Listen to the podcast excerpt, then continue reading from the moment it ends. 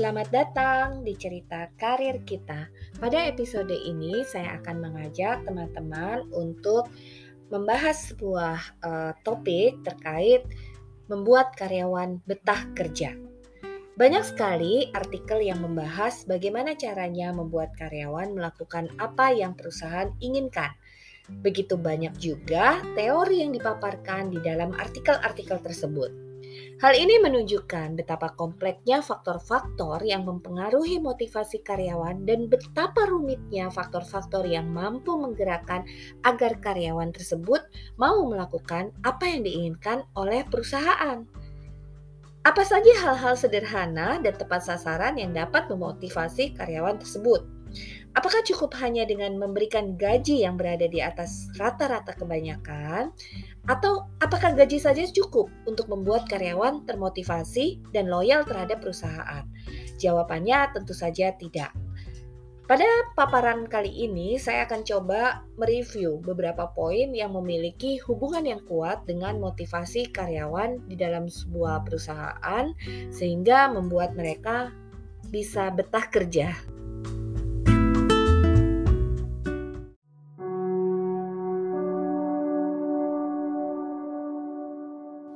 Yang pertama bisa dilakukan perusahaan adalah dengan memberikan pilihan fleksibilitas waktu bekerja di kantor.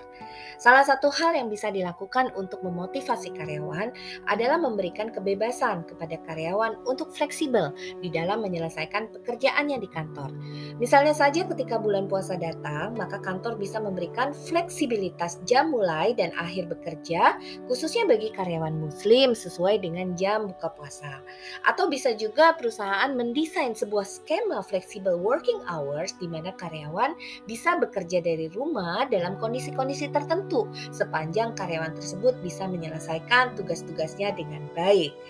Hal lain yang bisa dilakukan oleh perusahaan juga mungkin bisa mengembangkan program-program rekreasi, hiburan untuk karyawan di luar jam kerja. Misalnya saja dengan melakukan gathering seluruh karyawan dan keluarga secara rutin 6 bulan sekali atau atau uh, mengajak karyawan untuk makan siang bersama dengan seluruh rekan di departemen. Bersama-sama merayakan ulang tahun karyawan itu juga mampu untuk membina kedekatan dan hubungan antar karyawan. Kemudian juga perusahaan bisa melakukan review gaji karyawan secara rutin. Nah, program untuk mereview gaji karyawan tiap tahunnya ini bisa dilakukan berdasarkan performance kerja karyawan. Jelas, hari ini harus dilakukan secara transparan sehingga tidak menimbulkan frustasi bagi karyawan karena justru merasa diperlakukan tidak adil oleh perusahaan.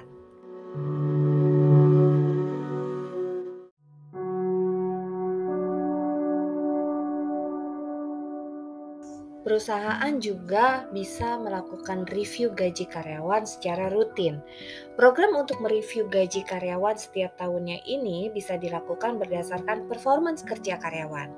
Hal ini harus dilakukan secara transparan sehingga tidak menimbulkan frustasi bagi karyawan karena merasa diperlakukan tidak adil. Hal lain juga perusahaan bisa memberikan extra benefit untuk karyawannya. Extra benefit yang diberikan karyawan sebuah perusahaan tergantung dari kemampuan perusahaan tersebut untuk memberikan yang terbaik bagi karyawannya. Banyak karyawan yang tidak hanya berorientasi gaji pokok saja, tapi mereka melihat bagaimana perusahaan mampu menghargai mereka dengan menyediakan fasilitas yang dibutuhkan semaksimal mungkin. Misalnya saja alokasi laptop, handphone, atau mungkin kendaraan bagi karyawan. Hal ini patut diperhatikan perusahaan juga karena ada beberapa benefit yang akan membuat karyawan itu merasa bahwa wow, di perusahaan ini saya bisa mendapatkan extra benefit yang tidak saya dapatkan di perusahaan lain. Atau juga ketika karyawan bekerja lebih dari jam kerja normal, maka mungkin karyawan tersebut patut mendapatkan haknya untuk mendapatkan lembur atau mendapatkan uh, penghargaan lainnya. Atau juga ketika karyawan melahirkan, maka perusahaan wajib memberikan cuti melahirkan sesuai dengan peraturan undang-undang. Kemudian juga perusahaan harus selalu mengingat ya bahwa bahwa penghargaan di dalam hubungan antar manusia itu sangat penting. Setiap manusia pada prinsipnya adalah ingin dihargai. Adalah wajar ketika setiap karyawan dalam posisi serendah apa pun itu untuk selalu dihargai. Sangatlah bijak ketika seorang manajer, atasan, atau supervisor dalam sebuah perusahaan itu selalu menggaris bawahi rasa saling menghargai.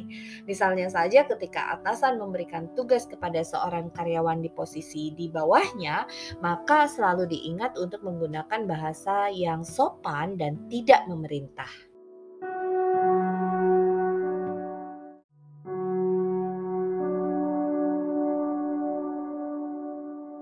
Perusahaan juga perlu untuk memberikan waktu untuk karyawan untuk melakukan refleksi diri. Ada bagusnya dikembangkan sebuah program yang mengingatkan kepada karyawan apa sih alasan utama karyawan tersebut bekerja. Apakah karyawan benar-benar mengenal dirinya sendiri dan percaya kepada orang lain di dalam tim kerjanya?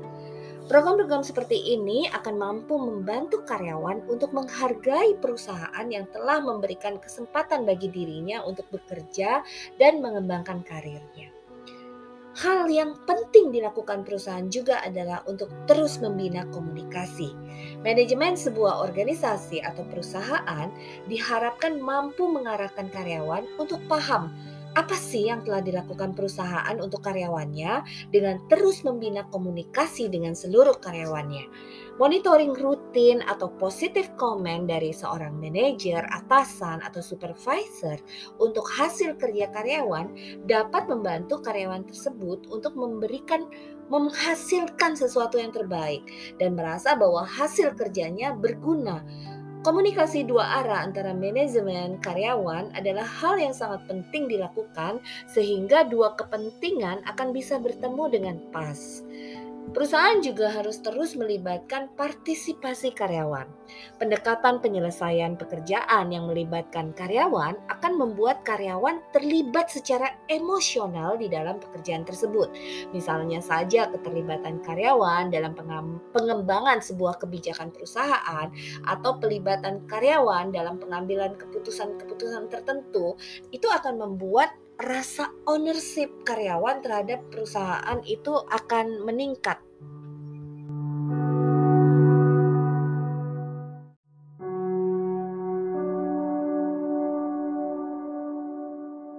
Perusahaan juga penting untuk membuat sebuah program konseling atau konsultasi untuk karyawan. Human Resource Department dalam sebuah perusahaan harus mampu memberikan ruang dan waktu bagi karyawan untuk berkonsultasi tentang hal-hal yang mengganggu efisiensi dan efektivitas kerja bagi karyawan. Hal ini dapat membantu karyawan keluar dari masalah-masalah yang dihadapi dan tetap fokus dengan pekerjaannya. Atau bisa saja peran ini digantikan oleh line manager sehingga membuat karyawan merasa lebih nyaman untuk memberikan waktu bagi karyawan tersebut melakukan konseling atau konsultasi. Ya, mungkin itu beberapa yang bisa dilakukan sebuah perusahaan untuk membuat seorang karyawan betah pada perusahaan tersebut. Namun memang semua berpulang lagi kepada kenyamanan seorang karyawan dan juga kemampuan sumber daya organisasi untuk menyiapkan fasilitas-fasilitas ini. Jika pada akhirnya karyawan tetap tidak betah atau tidak nyaman bekerja di dalam sebuah perusahaan atau organisasi tersebut, maka bisa saja ada faktor-faktor lain di luar kontrol atau mungkin terdapat hal-hal yang menyinggung personal dari si karyawan sehingga membuat karyawan merasa tidak betah di tempat kerja tersebut. Atau bisa saja uh, hal ini muncul dari perusahaan di mana perusahaan merasa tidak cocok dengan karyawan sehingga harus memutuskan hubungan kerja dengan karyawan tersebut. Baiklah, terima kasih sudah mendengarkan cerita karir kita. Semoga sukses dan teruslah bersinar.